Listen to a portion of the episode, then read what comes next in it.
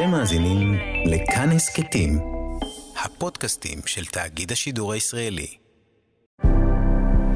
מאה ימים למלחמה, ועכשיו גם כן תרבות. שלום שלום אה, לכולכם, אנחנו כאן, גם כן תרבות, מגזין התרבות של ישראל ביום המאה לטבח ומלחמת שבעה באוקטובר, מנסים יחד להשיג נחמה, להתאחד בימים הקשים שעוטפים את כולנו. יותר מ-1400 ישראלים, אזרחים וחיילים נרצחו, כ-250 נחטפו לעזה, אלפים נפצעו. אנחנו כאן, כאן תרבות. את בוקר יום ראשון, מאה ימים למלחמה, אנחנו פותחים עם ליאת מורבצ'יק. היא תקרא עבורנו את דברים שיהיו. דברים שיהיו. גם אני התבוננתי בשמש, אדוני. גם אני רציתי. חמניות לא אכלו מכף ידי, פניהן דמעו לאור. גם אני נחשפתי לתלוש את הצער, כמי שמסיר אור מת. אבל הצער היה צער, ואני רק המשכתי לשמוע איך הימים נשמטים מלוח השנה. לעתים קרובות, אדוני, אני מדמיינת את מה שיכולנו, את מה שרצינו ולא אהבה להתרגש, ורק כשהעץ מקפלת עליו לקראת הלילה, אני יודעת, אדוני, שאלו הדברים שיהיו מעתה. גם אני נחשפתי לתלוש את הצער. נודה לליאת מורבצ'יק שקרא עבורנו את דברים שיהיו מתוך ספרה עין וירח. אנחנו כאן, כאן תרבות.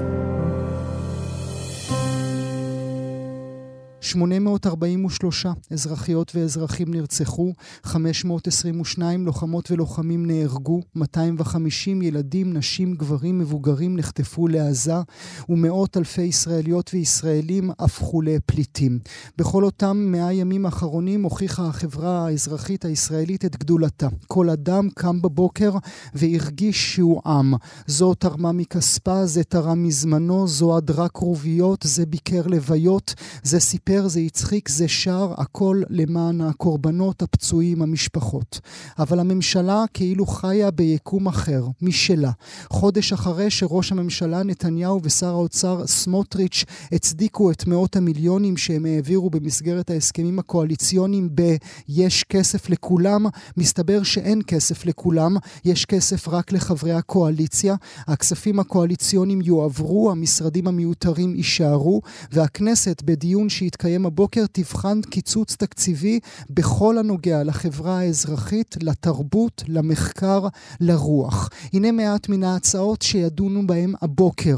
צמצום עד ביטול יחידות המדען הראשי במשרדי ממשלה רבים, הפחתת סל שעות הוראה שבועיות בבתי הספר, דבר שיפגע בטיפול בתלמידים שפונו מבתיהם ובפרויקטים בתחום המדע והטכנולוגיה, הפחתת מיליונים מתקציבי רשות העתיקות, הפחתה של כ-20 מיליון שקלים בתקציב סל הספורט, אשר מממן פעילויות ספורט ברשויות המקומיות ופעילות ספורט עממי, הפחתה בתקציב פעילויות יד יצחק בן צבי, ותיקון חוק הספריות שיקבע שמעתה תקציב הספריות הציבוריות יעמוד על 60 מיליון שקלים בשנה ולא 85 מיליון כפי שהיה עד כה. בנוסף לכל גם קיצוץ רוחבי במשרד התרבות והספורט. משיחות עם אנשי משרד התרבות אנחנו למדים כי תוכניות האוצר מדברות על קיצוץ של כ-500 מיליון שקלים מתקציב התרבות והספורט, עד כדי ששר התרבות מיקי זוהר הוציא הודעה בהולה לתקשורת, בה הוא אמר כי הוא פועל למנוע קריסה של עולם התרבות וענפי הספורט בישראל. אז מה נותר מאיתנו אם הרוח, התרבות, המדע והספורט יילקחו מאיתנו? נברך לשלום את חתן פרס נובל, הפרופסור אהרון צ'חנובר מהפקולטה לרפואה בטכניון. בוקר טוב לך. בוקר טוב. איך אתה מסביר, או איך אתה תופס את ישראל של 2024, ינואר 2024, אל מול, אה, אה, אל מול הקיצוצים שאמורים להיות מאושרים הבוקר? בלתי נתפס ממש, ממש בלתי נתפס. אה, קודם כל, אי האמת שבדברים של שר האוצר, עוד באישור הזנב של התקציב של 23 וכמובן תקציב 24, שיש כסף לכל, בדיוק אמרת את זה, אין כסף לכל וגם לא יהיה לעולם כסף לכל. ויש כסף לצורכי אה, תחזוקת הממשלה אי נפילתה מוצדקת לכל הכספים הקואליציוניים שהממשלה והכנסת סירבו בכל דרך אה, לקצץ. משרדים מיותרים, תקציבים מיותרים וכולי. הבעיה היא באמת, אה, זה לא רק התרבות, התרבות צצה ועלתה, כי באמת אפילו שר התרבות, שהוא איש מבשרו של הליכוד, קם וזעק כנגד, כנגד הדבר הזה, מה ששר החינוך למשל לא עושה. Mm-hmm. אבל אם אין תרבות במדינה הזאת, אם אין פיסול וציור, תערוכות, תזמורות, מוזיקה, ספריות, מדע, מחקר, בשביל מה אנחנו פה בכלל? למה צריך מדינה? כדי שהצבא ינצח את מי ולמען מי, ואיך ייראו החיים לאחר מכן. ובשביל מה לעזאזל? ובשביל מה לעזאזל לכן. אז אה, אם אנחנו מאבדים את הרוח, הצבא נועד כדי לאפשר את כל אלה. הרי הצבא נועד כדי לתת לנו חגורת ביטחון, כדי שנפרח רוחנית אה, וחומרית ונהיה מה שרצינו להיות אי פעם, אור לגויים, אה, וגם אור לעצמנו. אבל אם, אם אין את זה, אז uh, כמעט אפשר לסגור את החנות. אין, אין, אין תכלית בדבר הזה. עכשיו, ברור שדרוש קיצוץ בתקציב, כי ראש, ראש הממשלה ושר האוצר כמובן שלא אומרים את האמת, אבל צריכה גם להיות, להיות נראות בדבר הזה. צריך לראות שהממשלה לא דואגת רק לעצמה, אלא באמת דואגת uh, לרווחת האוכלוסייה. ואת זה היא לא עושה. ולכן כשאין נראות לא יהיה שיתוף פעולה, לא מצד ההסתדרות ולא מצד ויתור על שכר ולא מצד אף אחד. פשוט לא יהיה, לא, לא יהיה שיח. אה, בדבר הזה, ואנחנו נמשיך לחיות בתוך המהפכה הנוראית הזאת. זה מאוד מאוד מאוד עצוב. בין כל הדברים שלא מניתי, אה, אם תרשה לי, יש גם המון המון פעילויות, אה, מאזינות ומאזינים, שנוג, דברים שנוגעים לרוח, ש, שהם ייפגעו באופן, באופן אבסולוטי. תקציבים לאקדמיה ירדו, תוכנית החומש לחברה הערבית שנוגעת גם בחינוך, גם בספורט, גם בתרבות, אמורה להיות מקוצצת לחלוטין. גם התאחדויות בתי הספר. לערבים אגב זה עניין אידיאולוגי, זה ברור לגמרי. הם אזרחים רגילים במדינת ישראל והם זכאים לכל מה שאנחנו זכאים לו, ואולי אפילו יותר על הזנחה של שנים. אה, וכאן מדובר על קיצוץ אה, פוליטי ללא שום ספק. כדי, כדי שלא יהיה להם תיאטרון? כדי שלא יהיה להם מוזיאון? כדי, כדי שלא יהיה להם כלום. כדי שלא יהיה להם כלום. למה דווקא החברה הערבית? למה לא החברה הנוצרית האחרת? למה לא, אני אינני יודע מה. למה, למה, דווקא, למה דווקא הדבר הזה? זה פשוט להכניס אצבעות בתוך העיניים.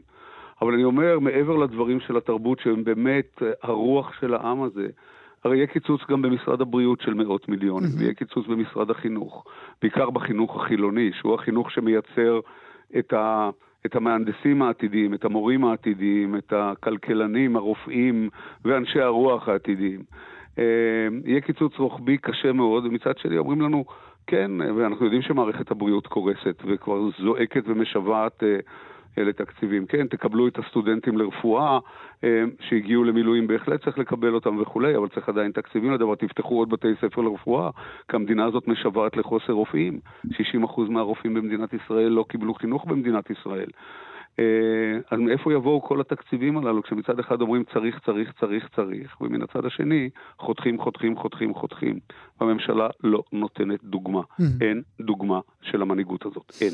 והזכרת את עניין הרפואה, ואלה דברים שאנחנו עוסקים כאן בתוכנית ברבות, וזה אודות רפואת הנפש, כן? אנחנו מדברים על תקופה... או, שם מחכה לנו משבר אה, שעוד לא ידענו כדוגמתו. ש- שהתגלגל לאורך שנים, אמיתית. נכון? כי שם אנחנו אמיתית. בעצם, אה, יש אנשים שעוד לא מבינים את הפגיעה בנפש שלהם לאור מה שקרה לפני מאה ימים, והנה שוב ושוב.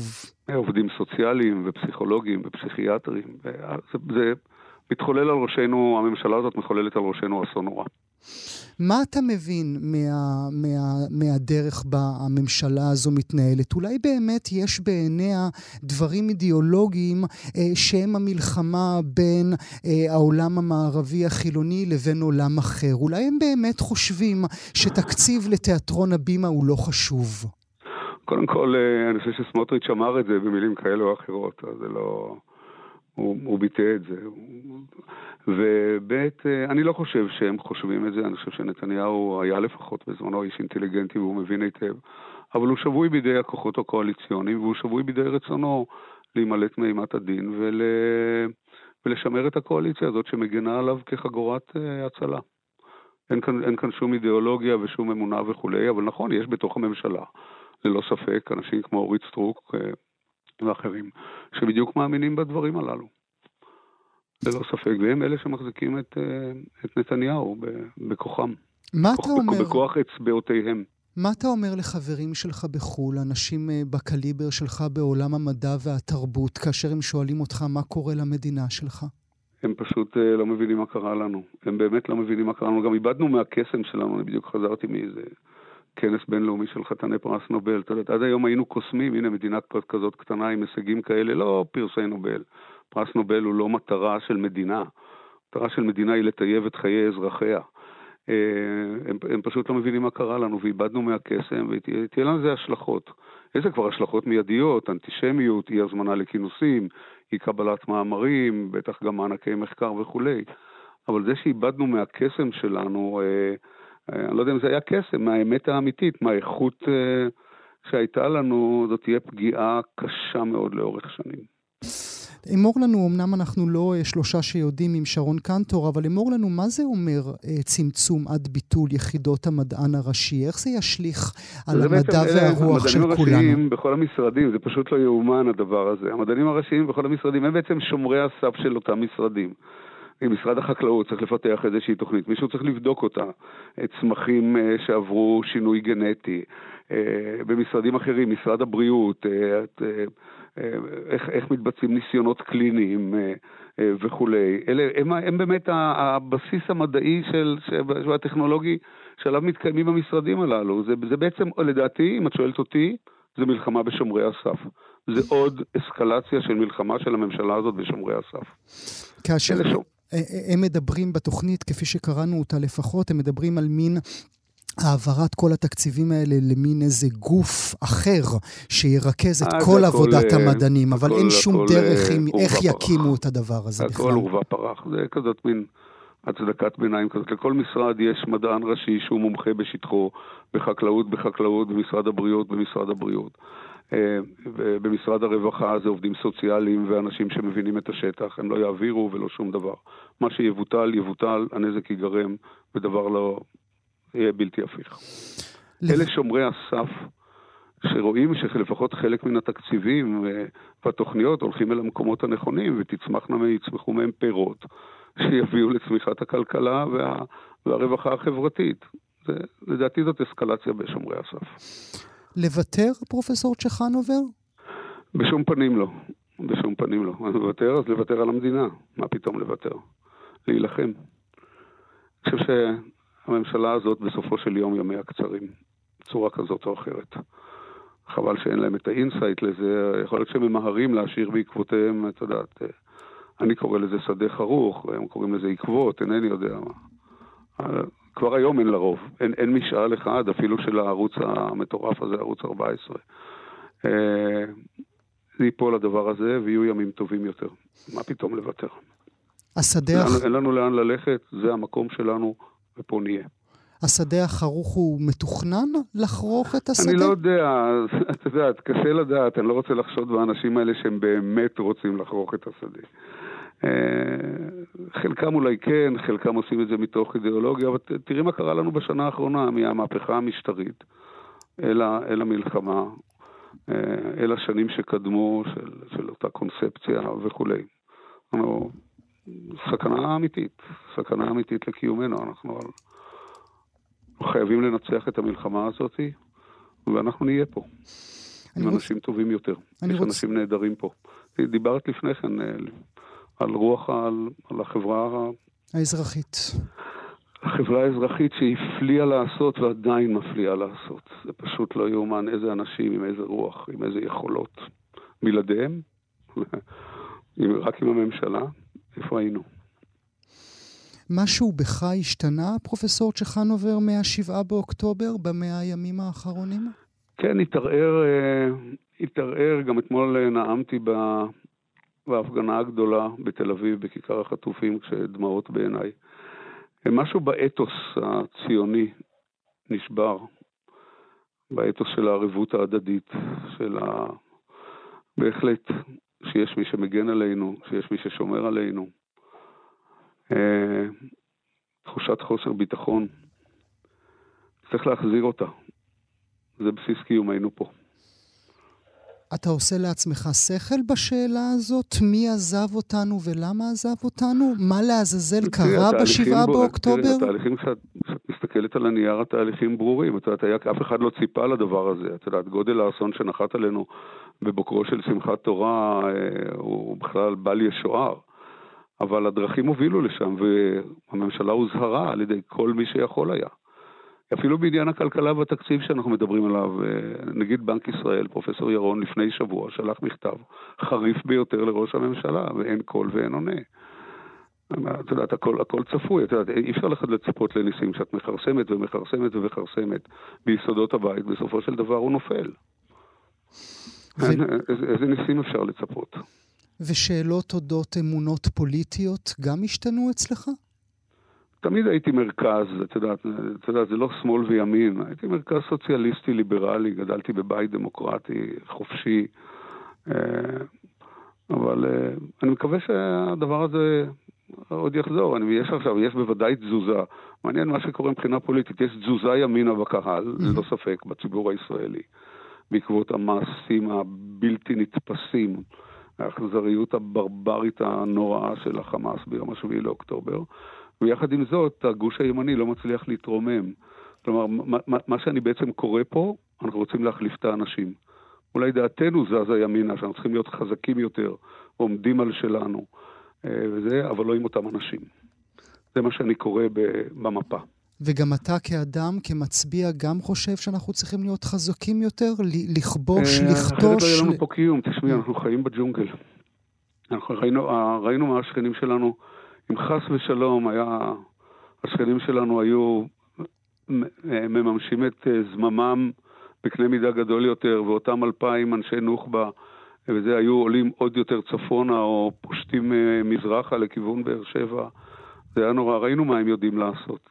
אלה הם השכנים שלנו. שנאה נוראית, אי כבוד לחיי האדם, אה, מיליארדים של, של דולרים זרמו לשם ב...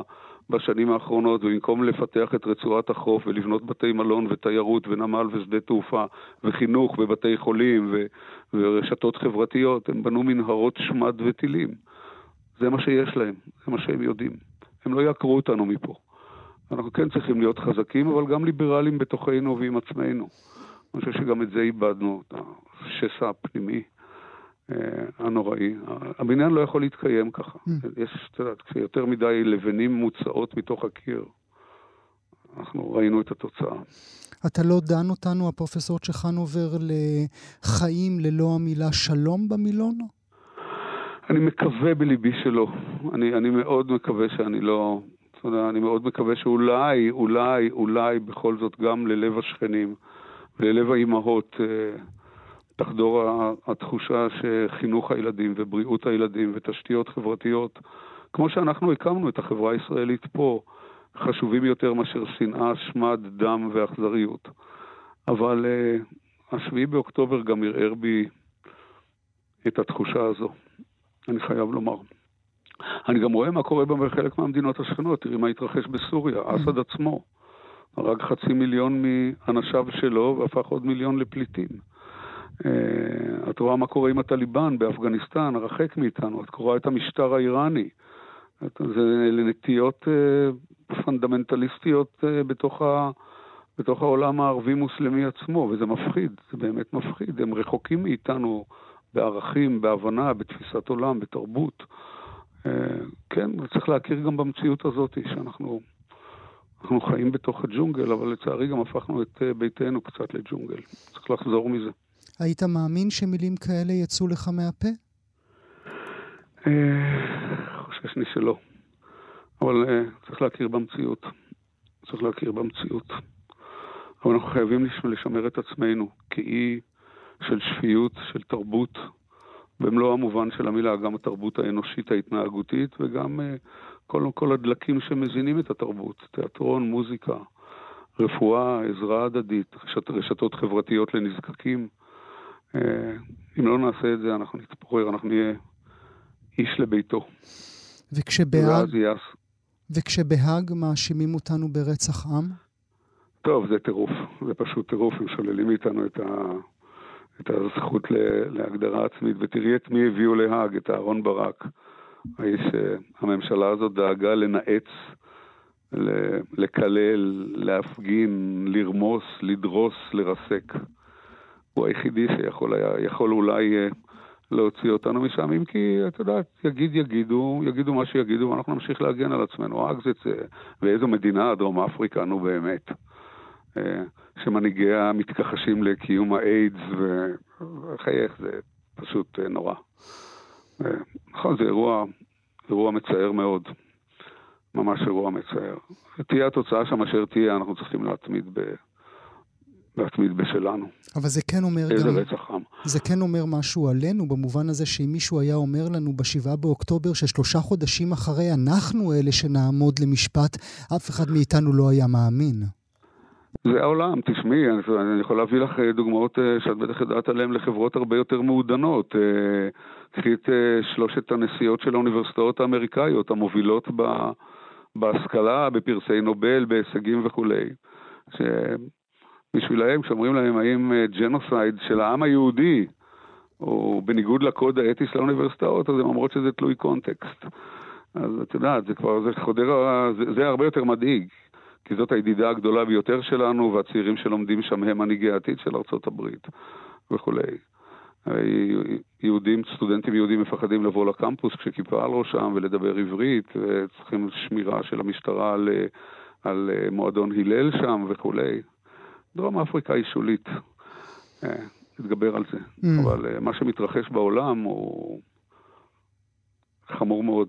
וזה גם כמובן אה, אה, אודות המכתב שחתני אה, וכלת פרס ישראל, אה, פרס אה, נובל, הוצאתם לעולם ולאוניברסיטאות הגדולות האלה. אפשר יהיה כן, לנצח נכון, את הכסף אה, הקטרי? אנחנו מנסים, אנחנו מנסים להשמיע את קולנו אה, ולרתום אה, אנשים שאולי הם מובילי דעה, אבל... הרוחות המנשבות שם הם, אה, ובעצם בעצם העניין האמריקאי בעצם משקף בעיה פנימית אמריקאית, כי מי שהצטרף שם לפלסטינאים, א' זה כסף גדול שזורם לאוניברסיטאות ממדינות ערביות, וב' אה, מיעוטים אמריקאים מקופחים בתוך החברה האמריקאית, שהצטרפו לגל הזה, ולתוכו הם סחפו גם את ה... לצערי, את המנהיגות האקדמית האמריקאית.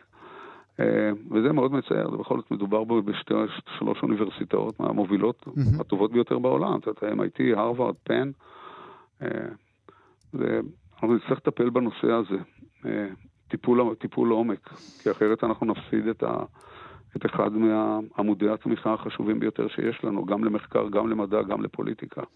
אז אני, אני, אני יוצא מהשיחה הזו ברשותך לסיום קצת מבולבל, כי אנחנו לא פה ולא שם. אנחנו תקועים עם השכונה המחורבנת שאנחנו חיים בה ועם השכנים שלנו. אנחנו מדברים על שבירת האתוס הציוני, וגם בחו"ל לא מאוד אוהבים אותנו. מה, מה עתידנו א', כאן? א', זאת עובדה. דיברנו על עובדות, נכון? הנסיעות זה הנסיעות של האוניברסיטאות. דרום אפריקה והאג זה דרום אפריקה. חטופים זה חטופים ומלחמה זה מלחמה. וכלכלה זה כלכלה. קודם כל שמנו עובדות על השולחן, אז צריך להסתכל עליהן, נכון? אנחנו לא, אנחנו לא מדברים מפרי דמיוננו. אה, כן, המצב, אה, המצב הוא לא טוב, ואני חושב שהפתרון המיידי צריך להיות החלפת הממשלה הזאת וממשלה שעובדת למען העם וחיזוק האחדות הפנימית. השאלה אם זה אפשרי באמת אחרי השסע הגדול הזה, כי אם לא נהיה מאוחדים מבפנים ולא נדבר אחד עם השני ולא נשוחח, לא תהיה לנו תקומה. אני חושב שזה הדבר, אנחנו צריכים לסלק את, ה, את הממשלה הזאת, לא משום שהיא הביאה את זה, את אחריות או לא אחריות, זה גם כן עניין מוסרי, כלומר, מי לוקח אחריות, אלא פשוט כדי להדביק מחדש את השברים הפנימיים בחברה הישראלית ולעשות ריסטארט, זה המקום שלנו, פה נהיה, עליו נילחם. ואנחנו צריכים את הרוח ואת הדבק שיחזיר אותנו להיות מה שהיינו. אני, להגיד לך שאני אופטימי מאוד? לא. או להגיד לך שאין לנו ברירה? כן, אין לנו ברירה. ובסופו של דבר אני מאמין שהרוח תגבר ונעשה את המעשה הזה. הפרופסור אהרון שחנובר, תודה רבה שהיית איתי הבוקר. תודה רבה ובוקר טוב. אנחנו כאן. כאן תרבות. על תודעת המוות שהשתלטה על כולנו נדבר כעת. 843 אזרחיות ואזרחים נרצחו, 522 לוחמות ולוחמים נהרגו, ובכל בוקר אנחנו ממתינים באימה לשעה 6 לשמוע את דובר צה"ל מתיר לפרסם. האם יש חיים אחרי אותה תודעת מוות, אותה ידיעה שהחיים של כולנו זולים כל כך, שמשפחות יכולות להיהרס ברגע אחד בודד? האם יש בכלל טעם לחיים כשהחיות, אחים, הורים של כולנו מתים. נברך לשלום את הפרופסור מירב רוט, פסיכואנליטיקאית וחוקרת תרבות, מומחית לשכול טראומטי ממובילות מערך הטיפול מאז השבעה באוקטובר. תודה שאת איתנו הבוקר. שלום. תודה רבה שאת אה, נמצאת איתנו הבוקר. יש היגיון באמירה של תודעת מוות? כן, אנחנו כולנו ספוגים בתודעת מוות עכשיו, ובדרך כלל התודעה מנסה להשכיח מאיתנו את המוות, אה, בגלל הקושי ליצור חיים ו- ו- ולקיים את המאמץ שכרוך בחיים עם הידיעה של הסופיות. אה, ומאז השבעה באוקטובר אנחנו לא, אין לנו את הפריבילגיה לשכוח, אה, ואנחנו גם לא יכולים בגלל שאנחנו מאוזכרים. אה, מרגע לרגע, דרך ההרוגים, דרך הנרצחים. אז אה, אנחנו מול אתגר אה, אנושי באמת לא, לא פשוט. יש לו בכלל דוגמאות לאתגר הזה עליו את מדברת? אחד הדברים שעוזרים לנו הוא לזכור שאנחנו ידענו שואות, ואני אומרת שואות ברבים, כי כל פוגרום הוא שואה קטנה, וידענו גם את השואה של אירופה, ו... אנחנו יודעים שגם יצאנו מהן, קמנו על רגלינו, בנינו את עצמנו מחדש. אתה יודע, כש, כשהייתי ב, בים המלח עם אה, מפוני בארי בשבועיים הראשונים, מיד אחרי הטבח, והמבוגרים, כשישבנו ודיברנו איתם, המטפלים, הם, הם כל הזמן נזכרו בטראומות קודמות, ואלה שהיו בשואה הזכירו את השואה.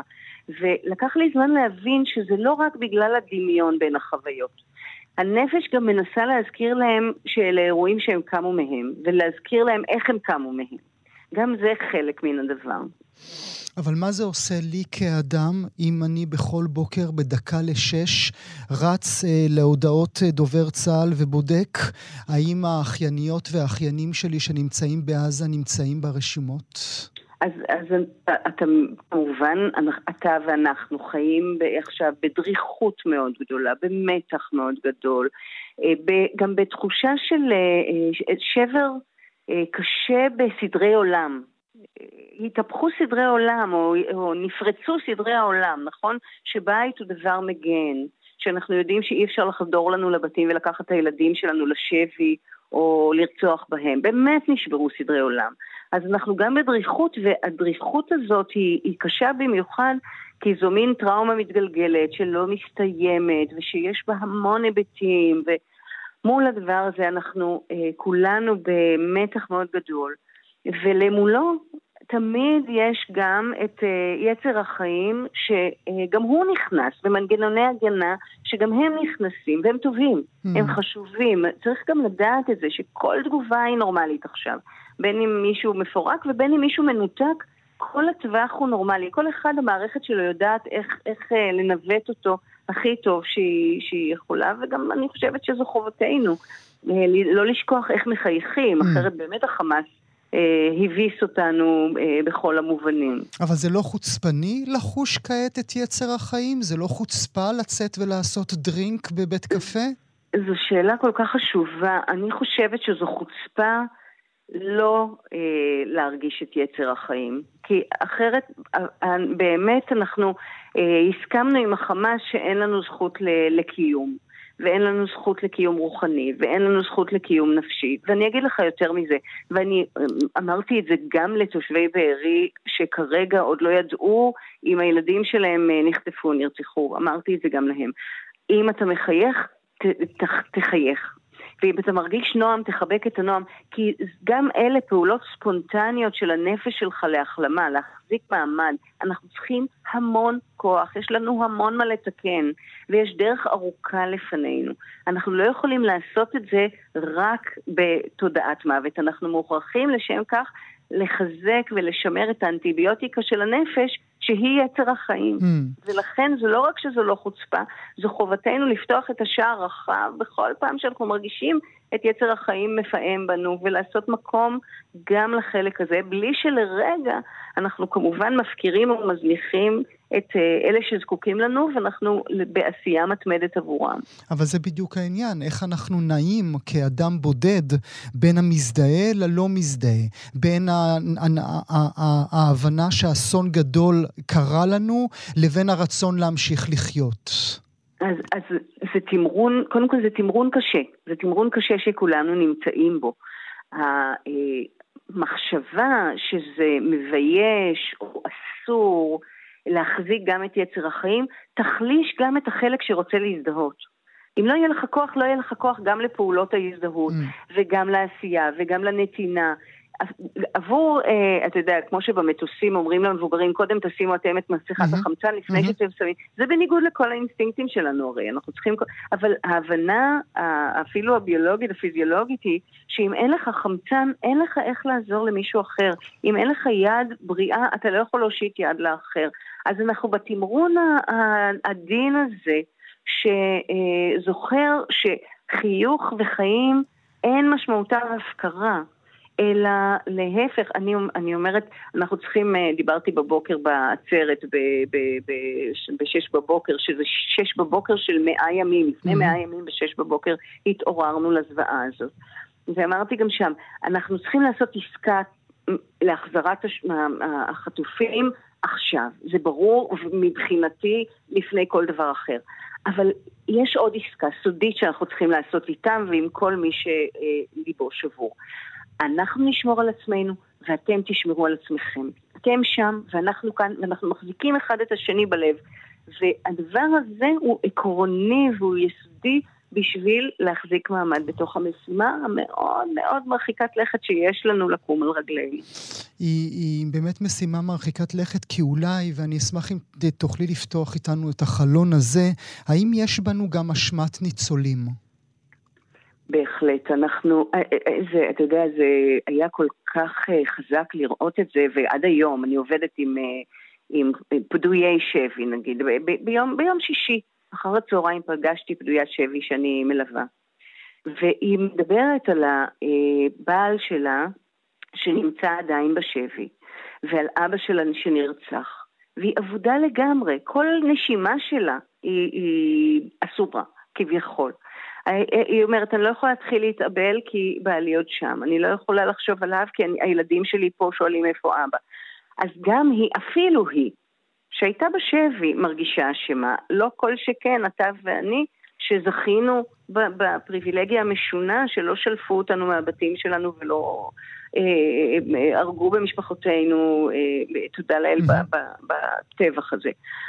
האשמת ניצולים היא מקיר לקיר, היא באמת בכל שדרות האוכלוסייה. והיא טעות במקורה. טעות במקורה. אנחנו יודעים ואנחנו עובדים עם, אני עובדת עם שכול טראומטי כל, כל, הרבה שנים. אנחנו יודעים שהריפוי של האבלים ושל המשפחות שלהם תלוי בסולידריות עם האחר, תלוי בעיניים מהירות. תלוי בתודעת חיים. ושאם אנחנו מבלבלים נאמנות עם להיקבר עם מתינו, אז באמת החשכנו גם עליהם את האור. והרעיון שאנחנו לא אמורים למות מצער, אלא לחיות עם הצער, mm. ושאנחנו לא אמורים ללכת אל החושך עם מתינו, אלא אנחנו אמורים לנצור את הזיכרון שלהם ולקחת אותו איתנו אל האור, הוא אה, משחרר באופן אמיתי מאשמת הניצולים. זאת אומרת, אני, זה פשוט צריך למקם את הנאמנות באופנות אחרת של קיום. וכשאתה מבין את זה, אתה מצליח אפילו הורים שכולים, שאני עובדת איתם הרבה שנים, כשהם מבינים, אתה יודע, אני, יש לי אה, אה, מטופל שאמרתי לו פעם, אבל הילד שלך, אתה אומר לי שהוא היה ילד מואר. כשאתה ככה הולך אליו, אל, אל החושך, אתה סוגר גם עליו את האור, תביא אותו אלינו. אז הדבר הזה, כשמבינים אותו ומשתחררים מהטעות, מהבלבול הזה, שנאמנות שווה להחשיך גם עלינו את האור, אנחנו בכיוון נכון. את הורגת אותי. אולי כל מה שאמרת עד כה אה, מסביר גם את העובדה המאוד מאוד מפתיעה, מאזינות ומאזינים, שאנחנו רואים בשבועות האחרונים שהספר, האדם מחפש משמעות, שראה אור באמצע שנות ה-40, הפך לרב-מכר כאן בישראל בשבועות האחרונים. ספרו של אה, אה, ויקטור פרנקל כמובן, שמתעד את חוויותיו כאסיר במחנה ריכוז נאצי. את מבינה למה הספר הפך לרב-מכר? למה אנחנו כל כך זקוקים לו? כן, אני מבינה. אני נפעמת אגב מן התופעה הזאת, שהוא הפך לרב-מכר. זה, אתה יודע, חוקרת התרבות שבי, אני עוסקת הרבה בקריאת ספרות ובמה היא נותנת לנו כבני אדם. והעובדה שאנשים מושיטים את ידם עכשיו לספר היא, היא, היא לא פחות ממפעימה. כי הם מבינים באופן עמוק שוויקטור פרנקל, אם הוא כתב ספר אחרי השואה, אחרי כל מה שהוא עבר, אז אפשר לקום מן השברים, והוא באמת מתאר שם איך רעיון יכול להציל אותך. הוא, אתה יודע, יש כל מיני רגעים קטנים שם בספר הזה, הוא, הוא, הוא הולך בשלג ואיזה איש אומר לו, מזל שהנשים שלנו לא לוחש לו, מזל שהנשים שלנו לא רואות אותנו. ואז הוא אומר לעצמו, אהבה היא הכוח השומר עליי. ואני לא יודע אם אשתי בחיים או לא. אני יודע שהאהבה שלי לאשתי בחיים, וזה מה שישמור עליי. זאת אומרת, התיאור הזה שאם יש לנו משמעות לאחוז בה, אנחנו יכולים להחזיק מעמד, היא כל כך חזקה, ולכן כולם עכשיו חוזרים על הספר הזה כדי לזכור שיש משמעות לקיום שלנו, ויש משמעות לקיום שלנו כאן, ואנחנו יכולים וצריכים לאחוז בו במשמעות הזאת כדי אה, להמשיך לכתת את רגלינו אה, לכיוון הנכון. לחיות עם הצער, כמו שאמרת, אבל לחיות, אבל לחיות. נכון, נכון. הפרופסור נכון. מירב רוט, תודה רבה שהיית איתי הבוקר. Mm, תודה לך, גואל. אנחנו כאן. כאן תרבות. 522 לוחמות ולוחמים נהרגו במאה הימים האחרונים. רק בסוף השבוע האחרון נהרגו אנדואלם קבדה, בן 21 מקריית גת, ודן ויידנבאום, בן 24 מרעננה. ננסה כעת להבין כיצד ייראו ימי הזיכרון לחללי מערכות ישראל ולחללי פעולות האיבה מעתה והלאה. האם ימי הזיכרון ילבשו פנים חדשות? האם ימי הזיכרון לבשו בעבר פנים שונות בכל מלחמה שחווינו? האם יש משהו משהו ייחודי במוות האינסופי הזה שאנחנו כעת חווים, שישנה את הדרך בה אנחנו זוכרים לא רק את הנופלים, אלא גם את מקבלי ההחלטות, הצבא ושדרת הפוליטיקאים, בראשם ראש הממשלה נתניהו. נברך לשלום את הפרופסור עדה לומסקי פדר מהמחלקה לסוציולוגיה ואנתרופולוגיה, בית הספר לחינוך באוניברסיטה העברית. שלום לך. אה, שלום רב, אבל עדנה, לא עדה. עדנה, סליחה, זו טעות שלי. אני לא, לא, מודה לך שאת נמצאת איתנו אה, הבוקר. האם את, כמובן, קשה, קשה לדעת מראש, קשה להינבא כמובן, אבל האם נדמה לך שימי הזיכרון ייראו מעתה והלאה אחרת? אה, אני חושבת שכן, אבל אני חושבת שימי הזיכרון משתנים כל הזמן. ימי הזיכרון, במיוחד טקסי הזיכרון, הם ססמוגרפיים מאוד מאוד עדינים למה שקורה בתרבות הישראלית. אה, באופן כללי, ואז גם במובן היותר ספציפי, המלחמות השונות. אז סביר להניח שישתנה משהו. אה, אני מניחה, אבל כמובן שקשה מאוד להתנבא. קשה לדעת כיצד... כן. אה, האם יש לנו איזה שהן תחנות בזמן שמהן אנחנו יכולים ללמוד איך השתנו ימי הזיכרון ולאיזה צורה? כן. תראה, אני באמת אה, עוקבת אחרי ימי הזיכרון וטקסי הזיכרון בעיקר מ-94, זאת אומרת, זה כבר 30 שנה. ואפשר אה, להצביע על חמישה, אפשר להגיד חמישה תהליכים מאוד מובהקים שטקסי הזיכרון וימי הזיכרון השתנו לרוקם. וכשאני אומרת, דרך אגב, השתנו, זה לא שינוי ליניארי. אוקיי? הדברים יכולים mm-hmm, mm-hmm. ללכת ולחזור ולח... ולבוא. אז זה לא דברים לינאריים, אבל יש תמות שעולות ונכנסות שדה הזיכרון באופן, באופן מאוד בולט, וזה משנות התשעים באמת, וזה באמת האינתיפאדה. אני חושבת שהאינתיפאדות הראשונה והשנייה אה, הכניסו אה, גורמים חדשים אה, מאוד אה, דומיננטיים לתוך טקסי הזיכרון. אז מטקס זיכרון שהיה מאוד מאוד... שמה, שזה הביקורת? הביקורת אה, החברתית? ביקורת... כבר לא מקבלים על עצמנו את ככה זה החיים, אלא אומרים, רגע, למה זה ככה החיים? אה, זה הביקורת, זה, זה דבר אחד שהוא מאוד דומיננטי, אבל דבר נוסף זה גם העמדת הכאב האישי והטראומה האישית והמחיר האישי והמשפחתי במרכז. עד אז היה איזה סוג של קבלה, סוג mm-hmm. של צייתנות כן. כמעט. ומשנות התשעים השיח הטראומטי חודר בצורה מאוד חזקה לתוך טקסי הזיכרון. ולפעמים נדמה שהטקס הזיכרון יותר פולחן אבל מאשר טקס זיכרון.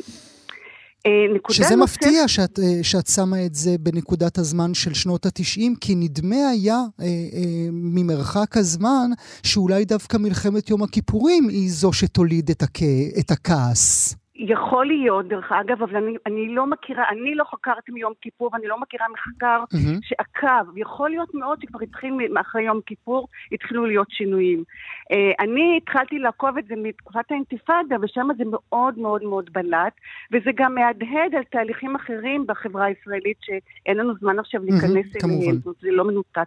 אבל אני חושבת שעוד נקודה אחת חשובה, כן, להדגיש, כי לדעתי זה מאוד יקרין גם על, ה, על יום הזיכרון הקרוב, זה שטקסי הזיכרון וימי הזיכרון הפכו להיות מ, מאיזושהי זירה של סולידריות שחוצה קבוצות, זה הפך להיות איזושהי זירה של מאבק של זהויות ומאבק פוליטי.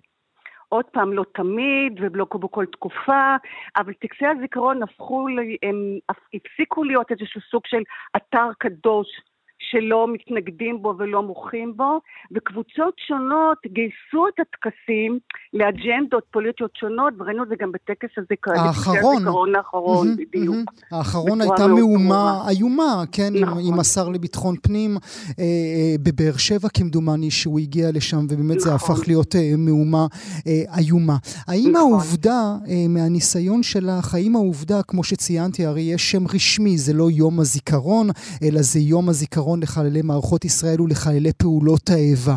האם העובדה שכולם ייכנסו יחד אה, במאי הקרוב תחת המטריה הזו, ייצור אולי איזשהו אפקט הרבה יותר גדול ממה שהכרנו? אה, אני חושבת שזאת אחת השאלות שמעניין יהיה לבחון. איזה, איזה אירוע או איזה נושא יהיה דומיננטי ביום הזיכרון? השבת השחורה, הטבח או הלחימה אחר כך, mm-hmm. או שני הדברים, והשאלה איך, איזה נרטיבים בעצם אה, יצמחו כדי לקשור בין שני האירועים הללו. ואני חושבת שזה אחד הדברים שאנחנו פחות יודעים. אני חושבת שבמידה רבה אפשר להגיד שיש איזה שלושה פרמטרים שישפיעו בעצם על יום הזיכרון, על איזה תמה תהיה דומיננטית יותר. זאת אומרת, קודם כל מצב החטופים. Mm-hmm.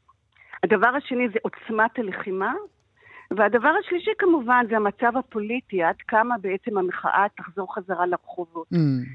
אני חושבת ששלושת הדברים האלה אה, יעצבו במידה רבה את, אה, ימי, את יום הזיכרון ואת הטקסים ואת אירועי הזיכרון השונים, ואיך, mm-hmm. מה יודגש שם, זאת אומרת, מה יהיה דומיננטי יותר. אה, השבת השחורה mm-hmm. או הלחימה. שברת לי את הלב, עצם, עצם, עצם האופציה, פתאום ככה, פתאום אה, אה, הפלת עליי פטיש, עצם המחשבה ש, שעוד במאי הקרוב עדיין תהיה לוחמה ועדיין החטופים לא יגיעו לביתם, ז, זו מציאות שאני מניח שלרבים מאיתנו קשה בכלל לקבל. אבל צריך לזכור מעל כל זה שהשלטון ירצה, כל שלטון ירצה שנזכור דברים בצורה מסוימת. כן, שרת הטקסים שלנו, מירי רגב, בוודאי תרצה לתת איזשהו נופך יותר בראשיתי, כמו שרוצה ראש הממשלה, לדבר הזה, ולא שיתעוררו שם איזה שהם בעיות מבחינתו. אה, כן, אתה מדבר פה על טקסי המדינה המרכזיים שבכותל ובהר הרצל, שמאוד מעניין מה יקרה שם. גם צריך לזכור שמעבר לכל השינויים, וגם כשהייתה מחאה וביקורת, הדבר לא הופנה לצבא, אלא למוסדות המדינה ולקבוצות הפוליטיות. מאוד מאוד מאוד מעניין האם הצבא היום, ביום הזיכרון הבא, יהיה חף מביקורת. אני בכלל לא בטוחה, למשל. זאת נקודה שהיא מאוד מעניינת. האם גם הצבא יזכה לביקורת ולמחאה כנגדו. Mm-hmm. עכשיו, אני חושבת שהפוליטיקאים ינסו לשלוט בטקסי המדינה, אבל צריך לזכור שמרבית האנשים משתתפים בטקסים של החברה האזרחית. ושם האפשרות לשלוט ולפקח היא הרבה יותר קטנה, ובגלל זה גם זו זירה כל כך דומיננטית ואינטנסיבית, שמבטאת בעצם את רחשי החברה על הקבוצות השונות, דרך אגב. אני משערת שיהיו טקסים בעלי אופי מאוד מאוד שונה. אה, ברחבי ה... שהשתנו כמובן בין דתיים לחילונים, מרכז, פריפריה וכל הדברים האלה. אבל מה שבטוח, אה, ואולי נסיים בכך, מה שבטוח זה לצערנו הרב, ימי הזיכרון מעתה והלאה יהיו מקום שיעניקו גם לנשים אה, מקום של כבוד ואזכורים. אני רוצה להגיד שהנקודה הזאת כבר הייתה קודם, התחילה כבר קודם בצורה מאוד מעניינת. אה, ואני חושבת אבל שהדבר לדעתי המרתק במיוחד יהיה האם טקסי הזיכרון יפרצו את הפרדיגמה הכל כך חזקה של מסכת, שזה בינתיים ה, אה, כאילו הפורמט הדומיננטי, והאם יקומו ויצוצו פרקטיקות זיכרון חדשות אה, שיאתגרו את המסכת שזה פורמט מאוד מאוד מאוד פורמלי שיש לו שליטה אה, לדוברים, אוקיי? Mm-hmm. ופה אני חושבת שזה יהיה מאוד מאוד מעניין, האם יקומו דברים חדשים אה, בתור, ביום הזיכרון הזה, והחברה האזרחית על כל קבוצותיה אה, בעצם... אה, יצמיחו פרקטיקות חדשות. אני רוצה להגיד עוד נקודה mm-hmm. אחת והיא חשובה, אני חושבת ש... אנחנו, אתה ואני עכשיו משתתפים כבר עכשיו באיזושהי פרקטיקה של זיכרון, ונראה לי שעד שנגיע ליום הזיכרון, החברה כבר תהיה בשחיקה אדירה של. זיכרון. מעניין. 100 ימים לזיכרון, 150 ימים לזיכרון וכולי. זאת אומרת, זאת חברה, בגלל התרבות הדיגיטלית, ש... שאנחנו לא נותנים רגע אחד מנוחה, וכבר אנחנו זוכרים, אוקיי? וכשנגיע ליום הזיכרון, יכול להיות שכבר נהיה עמוסים ושחוקים מזיכרון. אה, ויכול להיות... והשחיקה הזו היא תוליד אה, עולם אחר. היא דבר גדול, דבר, נעלם גדול מה השחיקה הזאת תעשה, אבל אני רוצה גם שנזכור שיש אינטרסים להרבה קבוצות ולהרבה אנשים שנעסוק בזיכרון ולא נעסוק בעתיד. Hmm. אה, וגם זה צריך לזכור. זאת אומרת, אנחנו הרבה פעמים... אה, הזיכרון אה, הוא, הוא מדגיש את היחיד, את הפרט, את הטראומה, את הכאב, את הסנטימנט. הרבה פעמים הוא עושה דה-פוליטיזציה mm-hmm. של האירועים. ו, וזה אחד הדברים שמאפיינים את אה, שדה הזיכרון לאחרונה, וזה אנחנו צריכים לראות עד כמה באמת... שדה הזיכרון יהיה פוליטי, או, או מעניין. משקל או הכל יחד. הכאב. או הכל יחד, נכון. נודה לך ברשותך על השיחה המעניינת okay. הזאת, הפרופסור עדנה לומסקי פדר, תודה שהיית איתנו הבוקר. אוקיי, okay. בדמאס. אנחנו כאן. כאן תרבות. אנחנו כאן מאזינות ומאזינים גם כן תרבות במשדר מיוחד לציון מאה ימים למלחמת שבעה באוקטובר. זו תמונה ששבתה את ליבנו. היא צולמה בשטח עזה לפני כמה שבועות, היה בה עולם ומלואו, חייל צעיר, לבוש מדים, יושב על טנק ועל כתפו השמאלית כינור, ומנגן בו. כנר על הטנק כינו רבים את התמונה הזאת, שהודהדה אין ספור פעמים ברשתות החברתיות, אפילו שהוא בכלל ישב על אכזרי. עברית, מין סוג של נגמש. אנחנו רדפנו אחרי אותו החייל הכנר והשגנו אותו. הזמנו אותו לבוא לתוכנית, אבל אז הוא הפסיק לענות לנו, ודאגנו וצלצלנו, ושוב דאגנו ושוב צלצלנו, והוא לא ענה, הוא היה בשטח. המערכת שלנו כולה דאגה כאילו היה האח הקטן שלנו, והנה, מצאנו אותו שוב. קוראים לו אורן לוין, הוא בן 22, גר באבן יהודה. את השירות הצבאי שלו הוא החל בכלל כמוסיקאי מצטיין, ככנר. נער ושובץ ללהקה צבאית, ואז ככה לבדו הוא החליט לעבור לחי"ר, היה במסלול גדוד סיור בגבעתי, הוא נקרא למילואים כבר ביום, ביום אה, שבעה באוקטובר. הוא נמצא איתי עכשיו, אורן, בוקר טוב. שלום, בוקר טוב. תודה רבה שאתה נמצא איתנו, אנחנו מתרגשים מזה ממש. אתה איש של צלילים, לא איש של מילים, אז אל תצפו כאן מאזינות ומאזינים לאיזשהו אורך של שיחות uh, עמוקות וארוכות, אבל אנחנו כל כך שמחים שהוא נמצא איתנו. נתחיל עם באך, אורן? באך.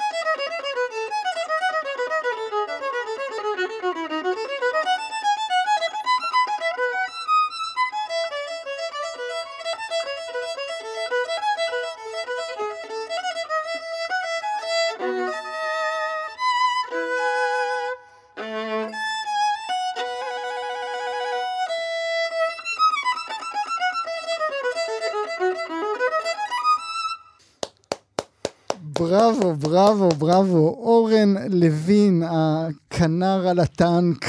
אורן, תודה רבה שבאת אלינו לאולפן. אני אשאל שאלות מאזינות ומאזינים, הוא יענה בתשובות הקצרות האופייניות אה, לא. ניגנת להם את באך גם בשטח? כן. תגיד לי איך הם הגיבו. טוב, כל, כל דבר שניגנתי היו בשוק האמת קצת, אבל uh, זה כיף, כל הכיף זה משמח אנשים, לראות את התגובות שלהם. זה באך ספציפית, ניגנתי בבית יחסית, בש... אני חושב בשבוע הראשון לכניסה, אזור uh, ג'וחא רדיק. פשוט היה בית ויש שמירות, אז הכל טוב, אני יכול רגע להוציא את הכינור, אם יש משהו, אני על, על ציוד, הכל בסדר, שם אותו בצד. הוצאת וניגנת, והתגובות של החיילים סביבך, של הלוחמים? Uh, האמת שבפנים זה שוק ומתלהבים, אבל כמובן יש את, ה... את האווירה של uh, להיות בפנים, שבכל זאת צריך להיות מרוכז ו... מנותקים, גם אני מרגיש טיפה מנותק, אז צריך לשמור על השגרה, אבל גם אה, לשבור את השגרה הזאת. איך בכלל הכינור הגיע לשטח? לקחת אותו איתך ב-7 באוקטובר? אה, לא, האמת שבחודש הראשון אה, בכלל כמובן לא הייתה כניסה קרקעית עדיין, רק התאמנו וזה, ואז אני ואימא שלי חשבנו ביחד מה הסיכויים שלמישהו יש כינור להביא לנו. לא הבאתי את הכינור שלי, זה כינור שקיבלתי בתרומה, האמת, שמואל אלבז מקונסרבטוריון נתיבות. Mm-hmm. ותוך יום, אני חושב, הגיע עד אליי, הייתי בבסיס בדרום, הביא לי את הכינור, ומאז אמרתי, טוב, זה נכנס איתי, יש לי אכזרית, יש לי מקום לשים את הכינור, זה נכנס איתי. כינור חדש מהניילונים. כינור חדש מהניילון. הביא איתו אה, שמואל אלבז, אהובנו, היה אצלנו כאן בתוכנית רק לפני אה, שבוע בערך. איך כנר מצטיין הופך להיות חירניק? קח אותי בדרך הזאת. האמת שזה מההתחלה, מאז אפילו לפני הגיוס ממש היו לי התלבטויות, היו לי מחשבות לעשות שירות קרבי, אם זה בסיירות או חי"ר או בכלל. אה, ומצד שני רציתי להמשיך עם המוזיקה, כי זה סוג של מסלול שהיה לי כל החיים. ואז בסוף התגייסתי והחלטתי, טוב, אני כן אמשיך עם המוזיקה. Mm. רציתי להמשיך גם עם המורה שלי באותה תקופה. ואז תוך כדי השירות, אז הרגשתי שזה... אני במקום לא... לא במקום הנכון. זאת אומרת, אני כן נהנה וזה משמעותי, אני מנגן לחיילים, ללוחמים, לכולם, אבל uh, יש לי הזדמנות לשרת, uh, לקבל יותר מהצבא ולתת כמובן. Uh, משהו שאני יכול. ואתה אומר לנו שזה הדבר הכי טוב שקרה לך בחיים, דווקא ההחלפת מסלול הזאת מהמוסיקה אל חיר. כן, זאת ההחלטה הכי uh, גדולה שעשיתי והכי טובה, אני חושב, כי זה פתח לי עולם. גם להכיר אנשים, גם לחוות דברים שלא חוויתי, קשיים, uh, להכיר את המדינה הרבה יותר, את הארץ. והמוזיקה תישאר. למרות, כן. אתה אומר את זה למרות כל מה שחווית בחודשיים האחרונים? כל המראות שראית, את כל הפחד שחשת? חד משמעית, זה היה הכרחי ואני שמח, אני לא שמח, אבל אני מרוצה מזה שכן שירתתי בקרבי ושובצתי איפה שאני עכשיו במילואים. כאשר הגעת בשבעה באוקטובר, נקראת מיד למילואים, ידעת לאן אתה הולך? לא, ידעת... זה מילואים ראשונים. אוקיי, אז לא הכרת אף אחד סביבך? לא. לא ידעו מי זה הבחור הגבוה הבלונדיני הזה? ובטח לא ידעו שהוא מנגן על כינור. לא, מי ששאל אולי. רק מי ששאל. זה בית תרבותי מאוד, הבית בה גדלת, נכון? זה בית מוסיקלי מאוד. כן, תמיד היה מוזיקה בבית, יש לנו פסנתר בגיל מאוד צעיר, אז uh, למדתי טיפה לנגן בו, וכל הזמן שמענו מוזיקה קלאסית ובכללי. זהו, אחי הגדול שר. Uh, הוא גם ניגן פסנתר, ועכשיו הוא שר, והאחים הקטנים שלי גם, יש לי אח קטן ואחות קטנה, גם ממשיכים בדרך הזאת, אבל זה לא עכשיו uh, חד משמעי כמוני, זה... אז זה מעניין, האם המסלול שלך כעת, אם נדבר בעוד עשר שנים ותבוא לאולפן שלי שוב, אתה תגיע כאורח שהוא הנגן הראשי של הפילהרמונית, או אם אתה תגיע בתור אה, דוקטור למשהו? אי אפשר לדעת. יכול להיות שניהם, נכון? יכול להיות הכל. חזרת למוסיקה אחרי השירות הצבאי שלך? האצבעות שלך בכלל זכרו את הכלי? אפשר לומר, זה לא אותו דבר, אבל אני מאמין שיש דברים טכניים שאפשר לעבוד עליהם. אם מתאמנים, אם אני ארצה לחזור, כל יום להתאמן הרבה וזה, אבל, אבל מה שנשאר זה, זה האהבה למוזיקה ולכינור, והאמת הריחוק הזה עושה משהו טוב, אני חושב שזה ככה בהרבה תחומים. הרבה פעמים ריחוק כל כך גדול של אה, עכשיו שנתיים וחצי אה, בשירות הסדיר. לא לנגן, שם לי פרספקטיבה, גרם לי גם להתגעגע וגם להעריך את זה הרבה יותר. Mm. ולהבין שזה משהו יותר גדול ממה שזה היה. זאת אומרת, אני מנגן גם בשבילי ולכיף, אבל גם כמובן לשמח אנשים, וזה הדבר הכי, הכי טוב שאפשר לעשות. זה גם הפך אותך לנגן טוב יותר? באיזשהו היבט אני חושב שכן. אני מאמין, אני בטוח שכן. אני חושב שאני רואה את התמונה יותר גדולה, אפשר לומר, על החיים אולי. טוב, אתה מרגש אותנו מאוד. אני אשמח אם תנגן עבורנו עכשיו, מה, את הליכה לקיסריה? נכון. בבקשה. אפשר להגיד איזה מילה ל... בטח. כיתה? בתוך הרצועה, אז יצא לי לנגן הרבה שירים ישראלים כמובן, כי זה מה שאנשים מכירים. הרבה פעמים ביקשו דברים, ביקשו איזה... מה הדבר שיר- הכי הזוי שביקשו ממך לנגן? שביקשו? הזוי, לא יודע, שירים ישראלים בעיקר, אולי דברים ממשחקי וידאו, מסרטים, הכל, כל מה שעולה לדעת. אפילו, אפילו לחכות uh, צלילים של מישהו אוכל, uh, אוכל מנה חמה, אז אפקטים, והצלחת לעשות להם אפקטים עם כינור? uh, זה היה מצחיק. אז מה, בין הדברים שביקשו ממך, גם את זה ביקשו? את זה לא ביקשו, אבל uh, לגבי השיר הזה ספציפית, למה בחרתי אותו? האמת, לפני שנה עבדתי כמאבטח טיולים, והייתי עם uh, קבוצה של תגלית, אמריקאים, יהודים מחו"ל, שהגיעו לשבוע בארץ, ואחד המשתתפים, הוא היה נגן גיטרה, וכמה חודשים אחרי המשלחת, שהוא חזר לארה"ב, הוא שלח לי הקלטה שלא מנגן אה, הליכה לקיסריה. הוא אמר לי שהוא הרגיש איזה חיבור לשיר הזה, וגם עכשיו, ב-7 באוקטובר, הוא כתב לי, ואז נזכרתי ישר ב... בשיר, כאילו זה הדהד לי בראש. אז זה בשבילו. זה בשבילו. זה. בשבילו. בבקשה, אורן.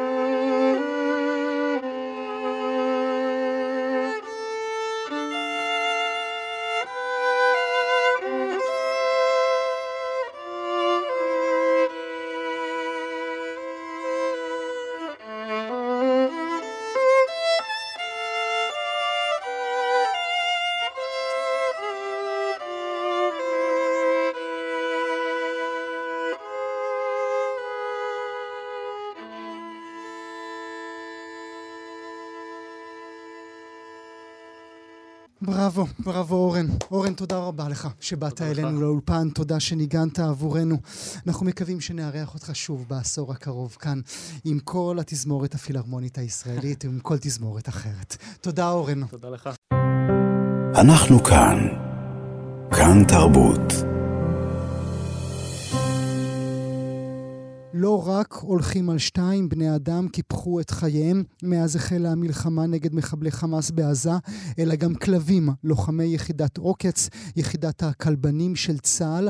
במלחמה הנוכחית צה"ל השתמש בכלבים לסריקת מנהרות, 32 כלבי, אה, כלבי עוקץ נפגעו ו-14 כלבים נהרגו. ביקשנו מדובר צה"ל את שמותיהם של הכלבים כדי שנוכל למנות אותם ולכבד אותם. לצערנו לא נעננו. יחידת הכלבנים של צה"ל היא יחידה עם זכויות אה, רבות. כלבי עוקץ לקחו חלק בחילוץ בני הערובה ממלון סבוי ב-1975, במבצע שחרור בני הערובה בפיגוע במשגב עם ב-1980, גם במבצע חיסול ראשי חמאס בשנת 1999, ועוד ועוד הרבה דברים שאנחנו יודעים ושאנחנו לא יודעים. נדבר על החיילים הנעדרים האלה, נשאל גם על השאלה המוסרית בכלל, הנוגעת בעצם השימוש בהם. נברך לשלום את ניצן טל, מאלפת בעוקץ לשעבר, כיום מאלפת וכלבנית טיפולית מאזור עמק הירדן. שלום ניצן. אהלן, נעים מאוד. תודה רבה שאת נמצאת איתנו, ולצידך אשת הארץ, נרי לבנה. שלום נרי. לא, נרי עדיין לא נמצאת איתנו, עוד רגע היא תהיה איתנו. ניצן, אני שמח שאת נמצאת איתנו. ספרי לנו על החיילים הנהדרים האלה, על הכלבים האלה. מתי אתם מקבלים אותם לראשונה?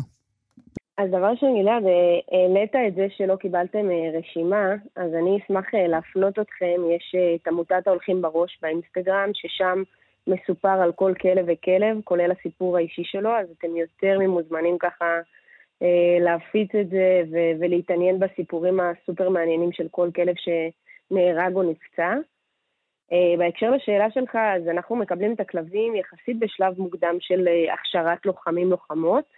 אה, אחרי חצי שנה בערך של אה, מסלול, אנחנו מקבלים את הכלבים ומסיימים איתם את המסלול, שהוא אורך כשנה לבנות ושנה וחודשיים עבור הבנים. יש זנים מיוחדים, מסוימים, שמשמשים בתוך היחידה הזאת? כן, יש כמה מאוד מאוד בולטים. אה, יש לנו את הרועה הבלגי, זה בעצם מלינואה הוא נקרא, בשפה היותר מקצועית. יש את ה... רואים הגרמניים, אה, שהם יותר מעורבים אחד עם השני, מיקסים בין בלגי לגרמני. יש לנו רואים הולנדים אה, וכמה כלבים שהם אה, כביכול שונים בנוף. אמ. כלבים קטנים, שזה יאגד טרייר, הם מאוד דומים לג'ק ראסלים. ולברדורים, ועם כולם, כולם הם כלבי עבודה, כולם... זהו, מה, מה, מה הם צריכים להיות? מה צריך להיות בהם כדי שהם, כדי שהם יהיו חלק מהיחידה?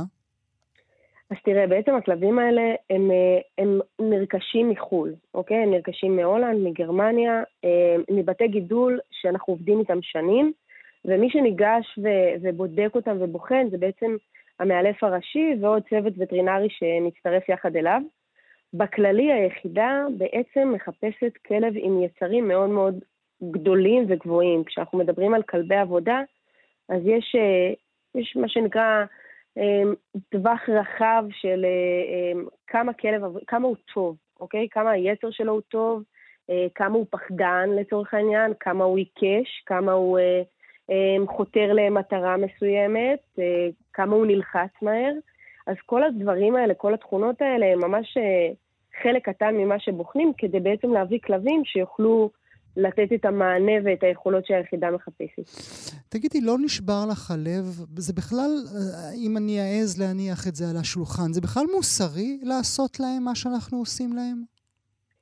בטח, בואו בוא נדבר רגע על הפיל הגדול הזה בחדר ועל זה שכלבים באמת נהרגים. אז דבר ראשון, נשבר הלב לגמרי, בסדר? אני, אני אולי אדבר בצורה שהיא מקצועית והיא תרגיש מנותקת או מרוחקת מה, מהתחושות, אבל צריך לעשות פה הפרדה, בסדר? אנחנו, כלבי עבודה הם בהכרח לא כלבי משפחה. כלבי עבודה הם נרכשים עבור המטרה הזאת. והמטרה, חשוב להגיד, היא לא בשביל לשלוח אותם למוות, אוקיי? זה, זה לא השאיפה של אף אחד מאיתנו, לא של היחידה ולא מי שעובד ביחידה או יוצא מהיחידה. המטרה היא בעצם לייעל את, ה, את העבודה. כשאנחנו אומרים לייעל, אנחנו מדברים על זה שאם יש לי איזושהי אינדיקציה של מחבל במבנה כלשהו, הכלב יהיה הרבה הרבה יותר יעיל מאשר כניסה של כוח. לא, זה ברור לי, ניצן, אבל הם לא ביקשו את זה.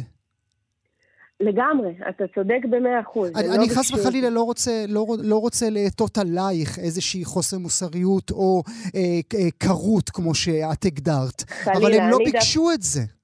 אני דווקא, ב, אני במקצוע שלי כמאלפת, אני פה מה, מהמוסר, אוקיי? אנחנו כאנשים, אני אגיד לך את האמת, גם, גם, בגז, גם בקטע של אה, כלבי משפחה, אנחנו כאנשים מאוד אגואיסטים, אוקיי? גידול כלב הוא משהו מאוד אגואיסטי.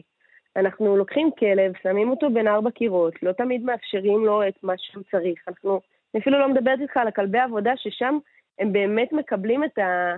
מה שנקרא את הפורקן המתאים לכלב עבודה. זאת אומרת, העבודה אה, שהם מקבלים היא, היא, היא מדהימה. הייתי ממליצה לכל בעל כלב להתייחס בצורה ש, אה, שכלבים בעוקץ אה, מתייחסים אליהם ונותנים להם את ה, אה, גם הטיפול הווטרינרי וגם הפורקן אנרגיה וגם החינוך והמשמש. אנחנו כאנשים שמגדלי כלבים, אנחנו אינטרסנטים mm-hmm. בקטע הזה, ואני היום, כמאלפת כלבים, חלק מהעבודה שלי היא ליצור את ה... לעבוד תחת המוסר הזה, לבוא לבית עם משפחה או לבית שמגדל כלב או כלבה, ולתת להם את המענה הבסיסי לכלבים קודם כל. אמ, וזה טוב ש... כאילו, זה לא, זה לא משהו רע להגיד, בסדר? ברור שכלבים נפגעים, וגם לוחמים נפגעים, וגם לוחמות. את, אה, זה נהוג אצלכם, נכון, שחיילת, חייל, לוקחים את הכלב איתם כשהם מסיימים שירות? כן, זה תלוי בגיל של הכלב ובתפקוד שלו, וגם בעיקר, בעיקר בעיקר אנחנו ככה מנסים כמה שיותר לבוא לקראת הכלבים. בגיל 7-8 אנחנו מבינים שכבר הכלב צריך לצאת לפנסיה, בסדר? זה קצת כמונו. Mm-hmm. וכתוצאה מזה אנחנו באמת משתחררים יחד עם הלוחמים או הלוחמות בשביל לתת להם את החיים הכי, את שארית החיים הכי טובה שיכולה להיות להם. והם עדיין, כן, הוא עדיין איתך, הכלב שהיה איתך בשירות? כן, שמו רומי, והוא עדיין איתי, יושב לידי ככה בסלון פה. אה, הוא שם? תמסרי לו דש. אני אמסור בהחלט. אני רוצה רגע לדבר על תמסרי לו דש הזה שאמרתי כעת. אה, תחשבי על זה רגע ואני אפנה מיד אל האורחת הבאה שלנו, וזה עניין האנשה שאנחנו עושים mm-hmm. לכלבים. האם זה נכון בעינייך שאמרתי עכשיו תמסור לו דש? מה תמסור לו דש? מה, אתה מטומטם? הוא לא מבין. מה, מה, מה, מה העניינים בכלל? אבל אני רוצה כן לדבר על האנשה הזו, וגם אה, גם להיות הוגנים. אני לא הייתי שואל את אותה שאלה אודות אה, העובדה האם זה מוסרי או לא מוסרי להשתמש בכלבים, כשלצהריים אלוהים יודע מה אני אוכל. אז, אז, אז גם צריך את הפרופורציות בנקודה הזו. אני רוצה לגמרי. לעבור אלייך, אה, נרי, ברשותך, נרי לבנה מאשת הארץ כמובן. כל אותה האנשה שאנחנו עושים לכלבים, גם את עושה את זה עכשיו לכלב החדש שלך, הוא דבר נכון בעינייך? הוא דבר טיפשי, אבל הוא בלתי נמנע. בשביל אנחנו, לכן אנחנו כל כך אוהבים אותם. אה, תראה, יש אנשי חתולים ויש אנשי כלבים. אנשי חתולים, קשה להם מאוד לעשות האנשה לחתולים, כי חתול הוא חיה ביקורתית, שיש לה איזה מבט ציני, שכמובן האנשה שלי, כן, על, על מי שמטפל בה. כלב הוא חיה שיש, זה גוש של אינטליגנציה רגשית, גוש אחד גדול, שיכול להזדהות, הוא הדבר הכי לא ביקורתי בעולם בעצם. Mm-hmm. אני מעדיפה כלבים כי אני מאוד אוהבת שמתחנפים אליי, כמובן, אה, ויש לי מספיק ביקורת מהילדים שלי. צריכה חוויה מתקנת. אבל אה, ברור שהאנשה היא בעצם מפליל, אה, מסגירה אותנו, לא את הכלב. אבל במידה רבה את מתחברת, נרי, לדברים שאמרה ניצן, שכל העיסוק שלנו כאנושות, כאנושות עם כלבים היא אגואיסטית. אנחנו לא יכולים פתאום להגיד, הם לא ביקשו להילחם במנהרות עזה, כי מהשחר שבייתנו אותם, עשינו את זה בשביל כן. עצמנו ולא בשבילם. ודאי שאני מסכימה עם זה. אני רוצה להתייחס למה שנאמר באמת בענייני האילוף, אה, והאילוף המיטבי וכל הדברים, לכלבי עבודה. לי יש כלב שהוא הכלב הכי אינטליגנטי בעולם.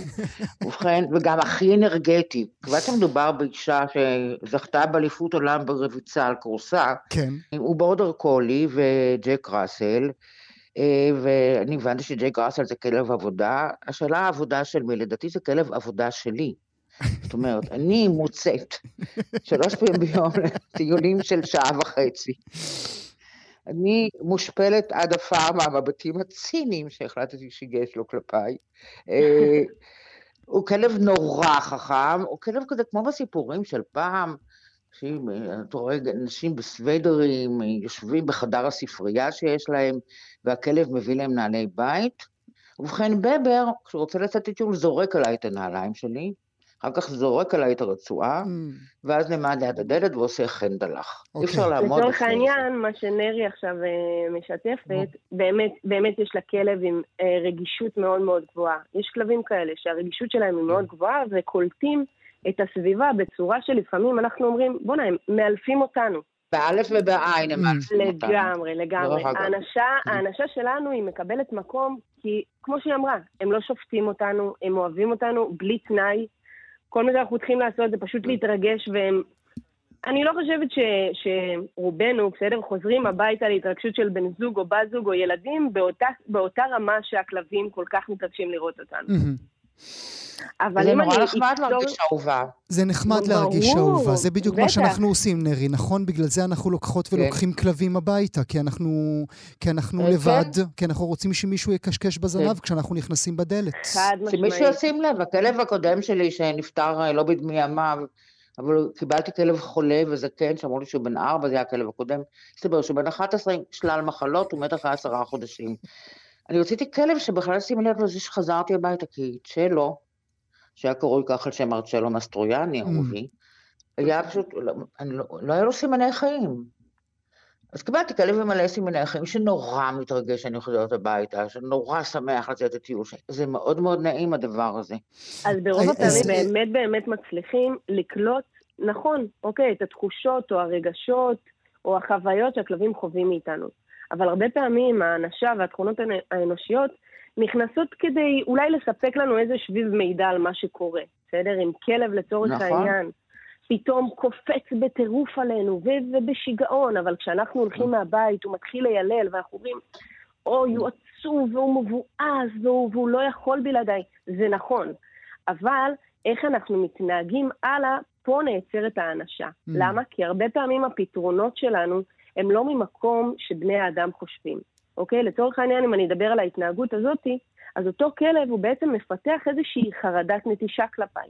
ואם אני אתנהג אליו בצורה שבה אני אגיע הביתה ואני אגיד לו, הכל בסדר, חמוד, ואני אלטף אותו ואני אחבק אותו, אז אני יוצרת בדיוק את ההפך לפתרון. בעצם אני עוד יותר מלווה אותו בתחושת החרדה. הבנת, הבנת, נרי.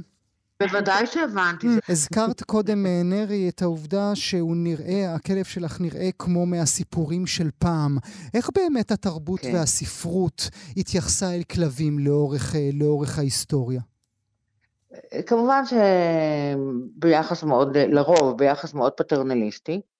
אמ, ההשלכה, לא היו לו גבולות, יש כל מיני סוגים, יש את בלק נגיד של אה, עגנון, mm-hmm. של אתמול שלשום, שמישהו כתב על גבו את המילים כלב משוגע, כלב ירושלמי של פעם, כלב חוצות, טיפוסי, כמו שכותב עגנון, מהסוג שהיו המונים מזה בירושלים לפני שהבריטים הגיעו, כן, הבריטים חובבי כלבים ידועים.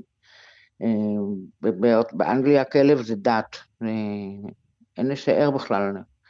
אה, בירושלים, אגב, לא כל כך. Mm-hmm. בתל אביב יותר, אה, הרבה יותר. אה, אבל כל הדמויות אז, הכלביות האלה באמת העצימו את הדרך בה אם אנחנו תופסים אותם, נכון? כמשרתים פשוט שנמצאים כן. לרגלינו. כן, כן, מין שגם שיקוף שלנו וגם משהו שמאדיר את כבודנו, אתה יודע שיש גם יחס, לא בספרות, אלא בחיים לכלבים כאל אקססורי. אה, אני מדברת על מלטזים בעיקר, וכל mm-hmm. הכלבים כאלה שגם יושבים על כיסא ואוכלים סטייק פילה ו... כן. ויש את האוליגרך, מתחנפת אליהם. אה, זה מאוד מגעיל דרך אגב, אבל אה, אה, זה, יש כאלה. יש נגיד את פלאש, הספר הנפלא שהכי הכי קריא בעיניי של וירג'יניה וולף, שאף אחד לא קרא משום מה. אתה קראת את זה? לא, גם אני לא. בדיוק באתי לומר, אני מאלה שלא. אז אני אגיד לך, כי הביקורת התייחסה לזה בזלזול, כי זה ספר נורא קריא. אה, מאוד מצחיק. אה, הייתה אחת בשם אה, אליזבת בארט בראונינג, שהייתה משוררת, והייתה חולניה, חולנית במובן הוויקטוריאני, זאת אומרת שכבה במיטה, הביאו לה פרחים, השתעלה, היו לה נפילאות. רציתי לומר, נרי, שזה קצת כמוך. כאילו, אם את היית בתקופה ההיא, אז זה מה שהיו אומרים. עלייך. כן, בעיקר כי אני מאוד חבריינית גם. אה, לא, הפריחות, הפריחות הנראית לעין שלי. והילדים שלי אמרו לי שאני בתקופה פריחה, אגב, לכן הם לא הרשו לקחת כלב גדול, כי הוא יעיף אותי ואני בתקופה פריחה. מצוין. אז לאותה אליזבת בארט היה כלב? לא. חברה אחרת, יחסנית אחרת מרחוב ווילפול, החליטה לשמח אותה על ידי ששלחה לה מתנה כלב, קוקר ספניאל, שזה גזע חמוד ומתוק. ומה שכתבה וירג'יניה וולף אה, זה על הכלב הזה, ומה הוא רואה נגד עיניו. בעצם כתבה ספר על אליזבת בראונינג ועל רחוב ווילפול, אמ. אבל דרך עיניו של הכלב המקסים פלאש. ספר המצחיק ומקסים. עכשיו נגיד, מה שהבולט בחייה של אליזבת החולנייה, זה שהיה, המשורר רוברט בראונינג היה מאוהב בה, וזה היה, משפחות התנגדו, ענייני קאסטות אנגליות, mm-hmm. ועם הכלב הם ברחו לאיטליה כדי להתחתן כמה רומנטי, אה, והכלב מתאר את הנסיעה. עכשיו, מכיוון שאין לו אוצר מילים, אז הוא לא אומר, נגיד, שאליזבת בהיריון. אתה מבין מהטקסט הכלבי שלו, שאין בו מילים כמו הריון, שהיא הייתה אישה אחת, ופתאום mm-hmm. שני אנשים, אחד קטן ומעצבן. Mm. זה התינוק.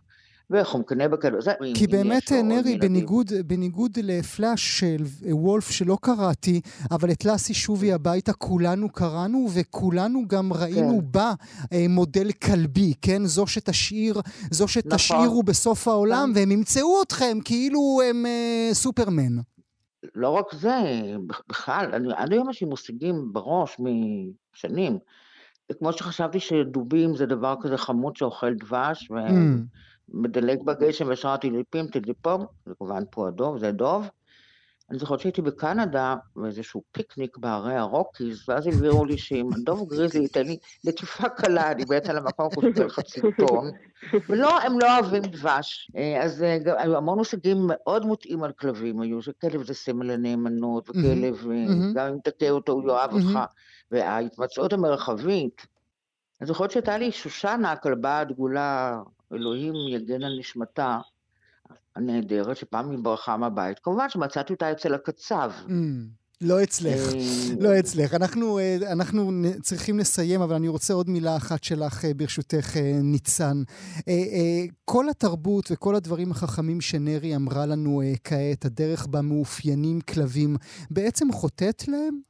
היא מקבלת צורה אחרת. אם לפני כמה שנים אנחנו מדברים על זה שבכלל בקושי היו מאלפים, בסדר? אם שנייה נסתכל שנים אחורה, אנחנו מדברים על זה שכלבים היו משוטטים והיו הולכים אחרי אותם אה, בעלים, אפילו מחכים להם מחוץ לדלת של החבר, mm-hmm, mm-hmm. וחוזרים איתם יחד הביתה. זאת אומרת, עם הזמן, גם התכונות האנושיות שהקנינו לכלבים, וגם אה, עצם זה שהכנסנו אותם יותר הביתה, יצר לא מעט בעיות התנהגות שדרשו מאלפים. זאת אומרת, אם היינו מתייחסים אליהם באותה צורה של כלב בן לוויה, mm-hmm. אוקיי? ובהתאם לכך היינו מאכילים, היינו לוקחים אותם איתנו לכל מיני מקומות, זאת אומרת, לא מפחדים לקחת אותם איתנו ולחשוף אותם לעולם יחד איתנו. אז התלות של הכלב בי הייתה גדלה לעומת מה שקורה היום, שאנשים ממש מבקשים עזרה באיך אני מאלף את הכלב שלי להקשיב לי בחוץ. מעניין. אז... נזכיר שוב מאזינות ומאזינים, כי זה חשוב לזכור. במלחמה הנוכחית צה"ל השתמש בכלבים לסריקת אה, מנהרות, 32 כלבי עוקץ נפצעו ו-14 כלבים אה, נהרגו. אני רוצה מאוד להודות לשתיכן, אה, ניצן טל ונרי לבנה. תודה שהייתם איתנו הבוקר. תודה לך, היה כיף. אנחנו כאן. כאן תרבות.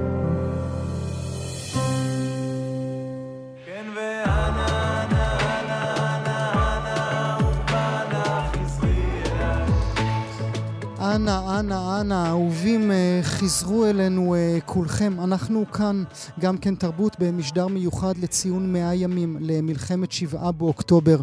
כבר 14 שעות ברציפות שבתל אביב, תחת גשם עז, מתקיימת עצרת למען השבת 136 החטופים שנמצאים בשבי מחבלי חמאס בעזה. העצרת תימשך עד שמונה בערב הערב. אומנים, אנשי תרבות, רבות ורבים הבטיחו את השתתפותם שם. אהוד בנאי ואתניק, זהבה בן, עומר אדם, שרית חדד, עידן רייכל, יסמין מועלם ועוד עשרות, וגם שי צברי, שאתם אה, שומעים כעת אה, ברקע, ששר שם לאנשים, אנא, אנא, אנא. שי צברי, שלום. בוקר טוב, גואל. איך בכלל מצליחים לשיר אל מול הכאב הכל כך גדול, שי?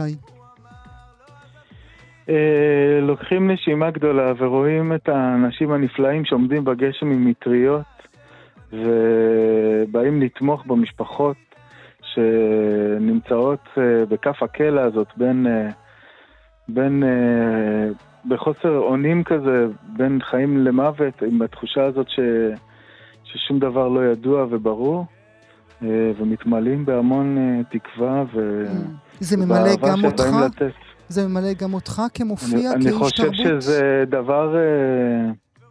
אני חושב שזה דבר כל כך חזק, הסולידריות שהתעוררה פה, שאי אפשר שלא להתרגש מזה ולא להיענות לזה.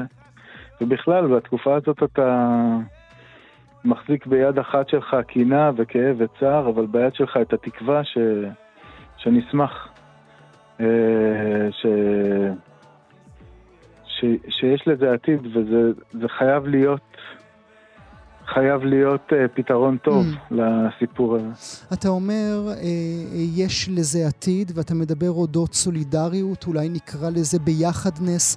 אתה מאמין שזה כאן כדי להישאר? Uh, אני חושב שאין לנו שום פריבילגיה uh, לזלזל בזה או להיות ציניים כלפי זה. שזו פריבילגיה של עמים שלא נמצאים uh, תחת uh, מתקפה קבועה, ואני מתפלל שזה יישאר. זאת התקווה שלי. זו גם הייתה התקווה שלי לפני השבעה באוקטובר. וכשאתה עובר בין ההמונים, כשאתה כבר חודשיים, שלושה מופיע בכל מקום אל מול עשרות אלפי אנשים, מה אתה רואה, שי? איזה מין ישראל אתה רואה? אני רואה את uh, ישראל הכי יפה שראיתי בימי חיי, את ישראל כואבת, את ישראל שמזדהה, את ישראל שמתפללת, את ישראל שעושה, אה, אני רואה אנשים שנרתמים לאנשים ש... לטובת אנשים שהם לא מכירים, ופותחים את הבתים שלהם כדי שחיילים יתקלחו ומכינים אוכל לכל מי שצריך, ואני רואה אותם אה, אה, באים לשמח פצועים, ואני רואה אותם באים לחבק פצועים, ואני רואה אותם באים לחזק את המשפחות הנפלאות האלה של החטופים, שאת חלקם אני גם מכיר אישית, ו... זה כל כך כואב ומצער. הם אומרים לך שהם נשענים על הצלילים שלך, על הקול שלך, על, ה, על, המילי, על, ה, על המוסיקה שלך? Uh, לפעמים זה קורה. את אנה אנה שרתי בקיבוץ כרמים uh, מול uh, מפונים uh, uh, מניר עוז, ו... סליחה, מנחל עוז, ו... ומולי ישבה אישה שמיררה בבכי, וכשנגמרה ההופעה ניגשתי אליה. אה, קוראים לה לישי, והבן זוג שלה, עמרי מירן, נמצא עכשיו ב, בעזה. והמילים האלה, אנה, אנה, אנה, אהובה, נא חזרי אליי, זה פשוט היכה בה. אה, והרגע הזה היה רגע מאוד אה, קדוש בעיניי, רגע של תפילה מאוד מאוד עמוקה. ו... והקדשתי להם שיר, זאת אומרת, הקלטתי מחדש שיר שביצעתי בעבר, שנקרא בקרוב, שיצא במסגרת הפרויקט של עידן רייכל, והקדשתי את זה לישי ועומרי. איך בכלל לומדים, תקווה. איך בכלל לומדים כאדם, כבודד, כסתם איש, אל מול סיטואציה כזאת? אה, תשמע, אה, אנחנו לא התחלנו עכשיו, אנחנו חלק משרשרת של דורות, ובפעם הראשונה ששרתי בהלוויה, בהלוויה של משפחת קוץ מכפר עזה, אה, הייתי בטוח שהלב שלי הולך להתפוצץ, ופשוט התפללתי שסבתא שלי, זיכרונה לברכה, שהייתה מקוננת, תעזור לי. שתיתן לי משהו מהחוכמה שלה. ואחרי שהצלחתי לשיר שם עבור המשפחה האבלה, הבנתי שהכוח של סבתא שלי הגיע בדיוק מזה שהיא ידעה שכשהיא מקוננת, היא תפגוש את האנשים האלה עוד שנה כשתיגמר שנת האבל שלהם, והיא תהיה איתם בחינות שלהם, בחתונות שלהם, עם היולדת שתלד אה, בן בעזרת השם. ו... והידיעה הזאת היא, היא נותנת לך תוקף, היא נותנת לך את האפשרות להמשיך אה, מתוך תקווה, מתוך תקווה מאוד מאוד גדולה, שיבוא יום וגם נצמח ביחד. אתה הורג אותי, שי. אה, זה שינה משהו בך? אה, זה קילף ממני את מעט הציניות שהייתה בי, אה, והמפגשים עם אנשים, במיוחד עם פצועים, חיילים שנפצעו, פשוט מילאו אותי בתקווה ובאופטימיות. אנחנו חלק מעם שהוא אחד העמים הכי יפים בעולם, אם לא היפה בהם. והעם הזה, יש בו אנשים שהם כל כך מסורים אה, למטרה הזאת של זה שנחיה פה ביחד, שכל גרם של ציניות שאולי היה בי אה, נעלם. ומה אתה עושה אל מול הצד השני, אל מול גלי השנאה והאנטישמיות שלא האמנו שנחווה שוב בחיים שלנו? הם כנראה היו שם תמיד כזרם תת-קרקעי, ולפעמים טוב לדעת את האמת. אני יכול להיות רק הכי יפה וטוב שאני יכול להיות. אני יכול אה, להחזיק ידיים עם האחים שלי, להושיט ידיים לעוד אחים שלי ולחבק אותם. אה, ולהתפלל, אני מאמין בתפילה, ביכולת שלנו לעזור אחד לשני באמת. אה, גם כשהלבבות שלנו שבורים, גם כשהבתים שלנו שרופים, גם כשה... כשנראה שאין לזה, שאין לזה עתיד. אני מאמין בביחד שלנו מאוד. תמיד האמנתי. והתקופה הזאת רק אה, מחזקת את זה. אבל נדמה, שי, שהביחד הזה גם דן אותנו לעד, לעם לבדד ישכון. אה, אני חושב שאם תראה את ההשפעה היהודית לאורך הדורות אה, על התרבות ועל המדע ועל ה... על כל מה שקורה, כל, על ההתפתחות האנושית, אני חושב שהעולם לא יוותר על זה בקלות, ככה אני מאמין. אני מאמין שגם מה שקורה פה הוא הקדימון, ש... שמה שקורה בציון קצת מקדים את העולם. ואולי זה דיבור מיסטי כזה, אבל אני באמת מרגיש ככה, ולדעתי מתישהו הם יבינו. ואז הם יבקשו אותנו שוב. אה, אני רוצה לקוות שאנחנו לא נתנתק ממשפחת העמים, אבל אני חושב שיש פה הזדמנות לנו להיווצר כעם. זה הכור המצרף שלנו, כמו שה-40 שנה במדבר היו הכור המצרף שלנו. Mm-hmm. אני חושב שכולנו עכשיו מגלים הרבה יותר בעוצמה מה משותף בינינו. אה, ואם נהיה חכמים, אה, נזכור את זה גם בשנים הבאות. נזכור באמת שאין לנו את הפריבילגיה הזאת להיות מסוכסכים. הלוואי וזה... וזה קשה. כן. אני לא חושב שזה קל. Mm. זאת עבודה קשה. זאת עבודה של קילוף של הרבה פחדים והשקפות עולם, אבל יש פה גם הזדמנות. יש פה הזדמנות מאוד גדולה לתיקון. הלוואי וזה עוד יחזיק. שי צברי, אהבה גדולה ממני, תודה רבה שהיית איתי הבוקר. תודה גואל, שיחזרו כל החטופים שלנו וכל האנשים הביתה לשלום. שנזכה לחבק אותם, לשיר להם. הלוואי, הלוואי. אתם מאזינים לכאן הסכתים, הפודקאסטים של תאגיד השידור הישראלי.